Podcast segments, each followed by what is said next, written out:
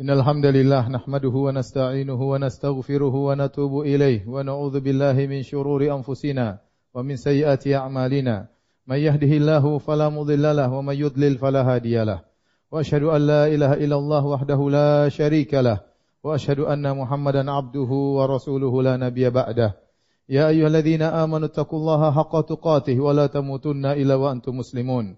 فإن أصدق الحديث كتاب الله وخير الهدى هدى محمد صلى الله عليه وسلم وشر الأمور محدثاتها وكل محدثة بدعة وكل بدعة ضلالة وكل ضلالة في النار معاشر المسلمين أوصيكم ونفسي بتقوى الله فقد فاز المتقون Sungguhnya di antara keyakinan ahlu sunnah wal jamaah bahwasanya iman bertambah dan juga turun. Iman bertambah dengan beramal saleh dan iman turun dengan bermaksiat kepada Allah Subhanahu wa taala. Dan amal saleh dijelaskan oleh para ulama terdiri dari atas tiga. Amal lisan, amal badan, dan amalan hati. Banyak orang tatkala ingin menambah imannya, mereka memperhatikan amal soleh dari sisi lisan dan badan saja. Maka mereka perhatian untuk baca Al-Quran dengan lisannya, berzikir dengan lisannya. Maka mereka perhatian juga beramal soleh dengan tubuhnya, dengan salat, dengan haji, dengan umrah dan yang lainnya. Tetapi ada juga amal soleh ternyata dengan hati. Banyak amal soleh yang bisa dikerjakan dengan hati. Dan di antara sekian amal soleh yang sangat penting, adalah niat yang baik. Oleh karenanya, para salaf dahulu mengatakan niatul mukmin ablagu min amalihi. Niat seorang mukmin lebih baik, lebih sampai daripada amalnya. Lafal ini diriwayatkan dari Nabi sallallahu alaihi wasallam dalam satu hadis tetapi sanatnya dhaif. Akan tapi maknanya benar. Oleh karenanya disebutkan oleh para salaf dan dijelaskan maknanya oleh para ulama.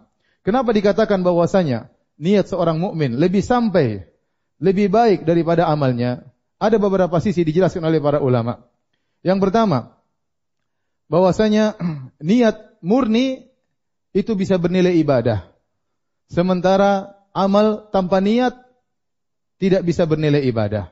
Niat murni tanpa amal bisa bernilai ibadah. Adapun amal tanpa niat tidak mungkin bernilai ibadah. Oleh karenanya Nabi SAW bersabda, Man hamma bihasanatin falam ya'malha kutiba lahu hasanatan kamilah.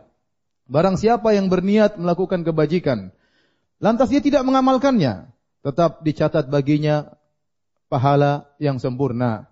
Ya, dia tidak beramal, tetapi dia memiliki niat yang baik, dia telah mendapatkan pahala. Tetapi amal tanpa niat mustahil mendapatkan pahala. Ini sisi pertama, makanya dikatakan niat lebih baik daripada amal seorang. Sisi yang kedua, bahwasanya niat adalah amalan hati. Sementara amal adalah amalan badan. Dan kita tahu bahwasanya hati adalah raja.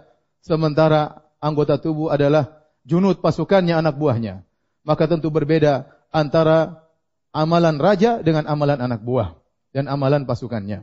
Sehingga secara umum bahwasanya amalan hati lebih afdal daripada amalan badan.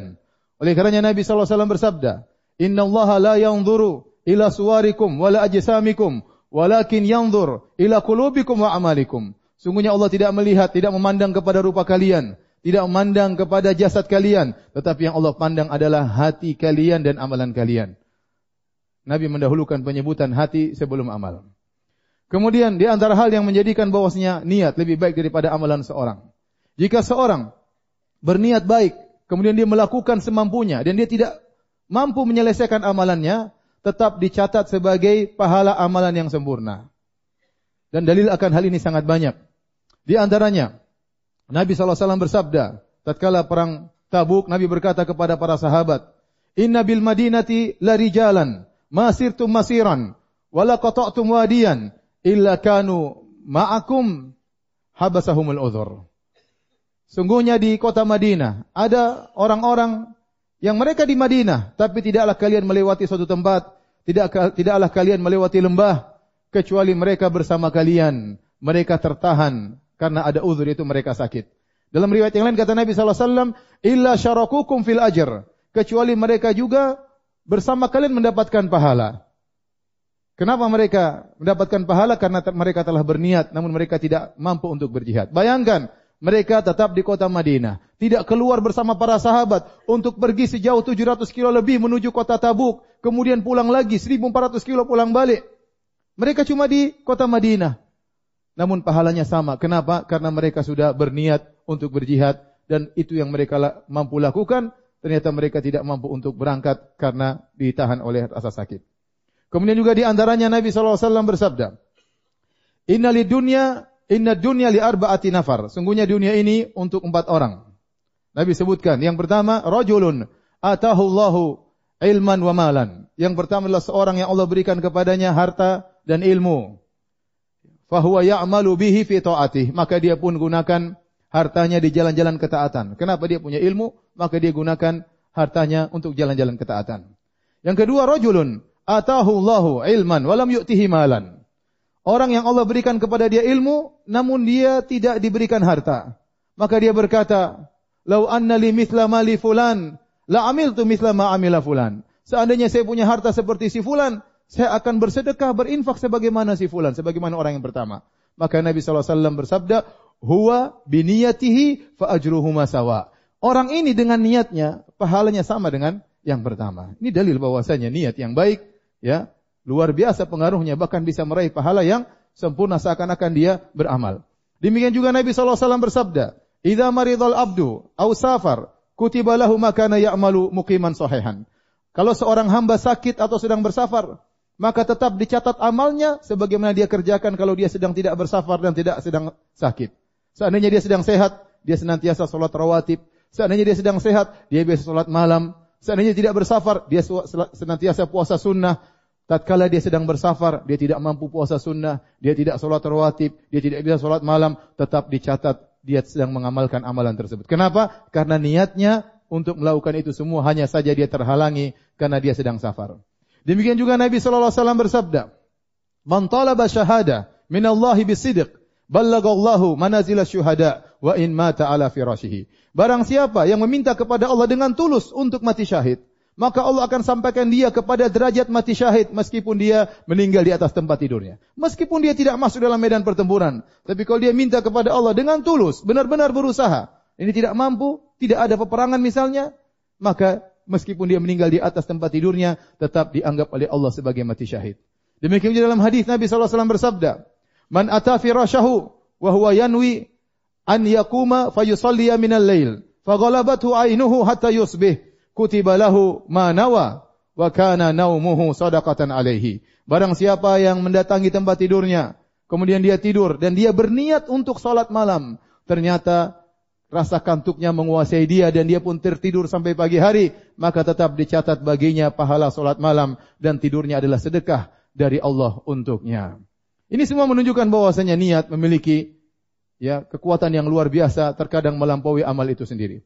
Dan di antara hal yang menunjukkan bahwasanya niat lebih sampai daripada amal. Kata para ulama, niat itu bersih daripada ujub dan ria. Orang punya niat baik tersembunyi, tidak ada yang tahu. Kecuali kalau dia ungkapkan, baru akan terkena ria atau ujub. Selama dia sembunyikan dalam hatinya, Allah yang maha tahu. Sehingga niat tersebut tidak akan terkena dengan ria dan tidak akan terkena ujub yang membatalkan amal. Adapun amal soleh terancam, rentan, terkena dengan ria dan terkena dengan ujub. Aqulu qali hadha wa astaghfirullah li wa lakum wa lisairil muslimin min kulli dhanbin wa khati'ah fastaghfiruhu innahu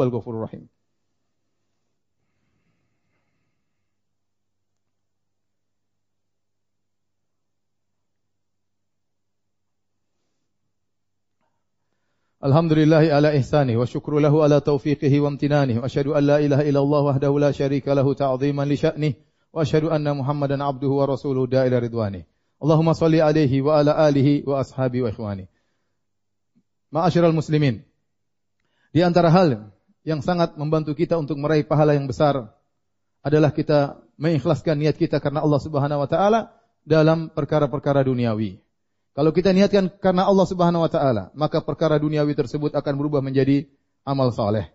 Apa kata Nabi sallallahu alaihi wasallam kepada Sa'ad bin Abi Waqqas radhiyallahu anhu? Lasta tunfiqu nafaqatan tabtaghi biha wajha Allah illa ujirta 'alaiha hatta luqmata allati taj'alu fi fimra'atik. Tidaklah engkau berinfak dengan infak apa pun, tidaklah kau keluarkan hartamu dengan harta apa pun. Kau niatkan untuk mencari wajah Allah, kecuali kau dapat pahala sampai suapan yang kau suapkan ke mulut istrimu. Para ulama menjelaskan, seorang lelaki tatkala sedang menyuapkan makanan di mulut istrinya, ini menunjukkan mereka dalam kondisi mesra, jauh dari nuansa akhirat, benar-benar dalam nuansa duniawi, sedang mesra-mesranya. Tetapi jika sang suami meniatkan hal itu karena Allah Subhanahu wa taala, maka dia akan mendapatkan pahala. Bahkan lebih dari itu, tatkala dia menggauli istrinya jika dia niatkan karena Allah Subhanahu wa taala, maka dia akan dapat pahala. Kata Nabi wasallam, "Wa fi bud'i ahadikum sadaqah." Engkau menggauli istrimu, maka itu bernilai sedekah. Maka betapa banyak waktu yang kita habiskan untuk mencari nafkah untuk keluarga kita. Dan kita niatkan bahwasanya kita mencari nafkah adalah ibadah kepada Allah Subhanahu wa taala. Apalagi kita niatkan untuk menafkahi anak istri, kita niatkan untuk dengan harta tersebut menyambung silaturahmi, kita niatkan kalau kita dapat harta tersebut, kita gunakan untuk jalan-jalan kebaikan. Tatkala kita bekerja dengan penuh niat seperti itu, maka akan berubah menjadi pahala di sisi Allah Subhanahu wa taala. Maka jangan sampai waktu-waktu yang kita begitu banyak, berjam-jam kita ke sana ke sini, riwa-riwi dari pagi sampai sore, bahkan dari pagi sampai malam kemudian tidak kita niatkan untuk Allah Subhanahu wa taala, maka hilanglah saat-saat tersebut tiada nilainya. Tapi kalau kita niatkan karena Allah Subhanahu wa taala, akan bernilai di sisi Allah sebagai pahala yang mulia di sisi Allah Subhanahu wa taala. Inna Allah malaikatahu yusalluna 'alan nabi يا أيها الذين آمنوا صلوا عليه وسلموا تسليما. اللهم صل على محمد وعلى آل محمد كما صليت على إبراهيم وعلى آل إبراهيم إنك حميد مجيد.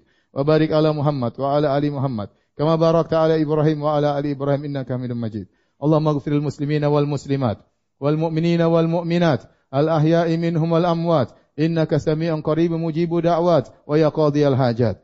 اللهم آت نفوسنا تقواها وزكها أنت خير من زكاها. أنت ولي ومولاها. Allahumma inna nas'aluka al-huda wat-tuqa wal-afafa wal-ghina. Allahumma ighfir lana ma qaddamna wa ma akharna wa ma asrarna wa ma a'lanna wa ma asrafna wa ma anta alamu bihi minna. Antal muqaddim wa antal muakhiru la ilaha illa anta. ربنا ظلمنا أنفسنا وإن لم تغفر لنا وترحمنا لنكونن من الخاسرين ربنا آتنا في الدنيا حسنة وفي الآخرة حسنة وقنا عذاب النار وأقيموا الصلاة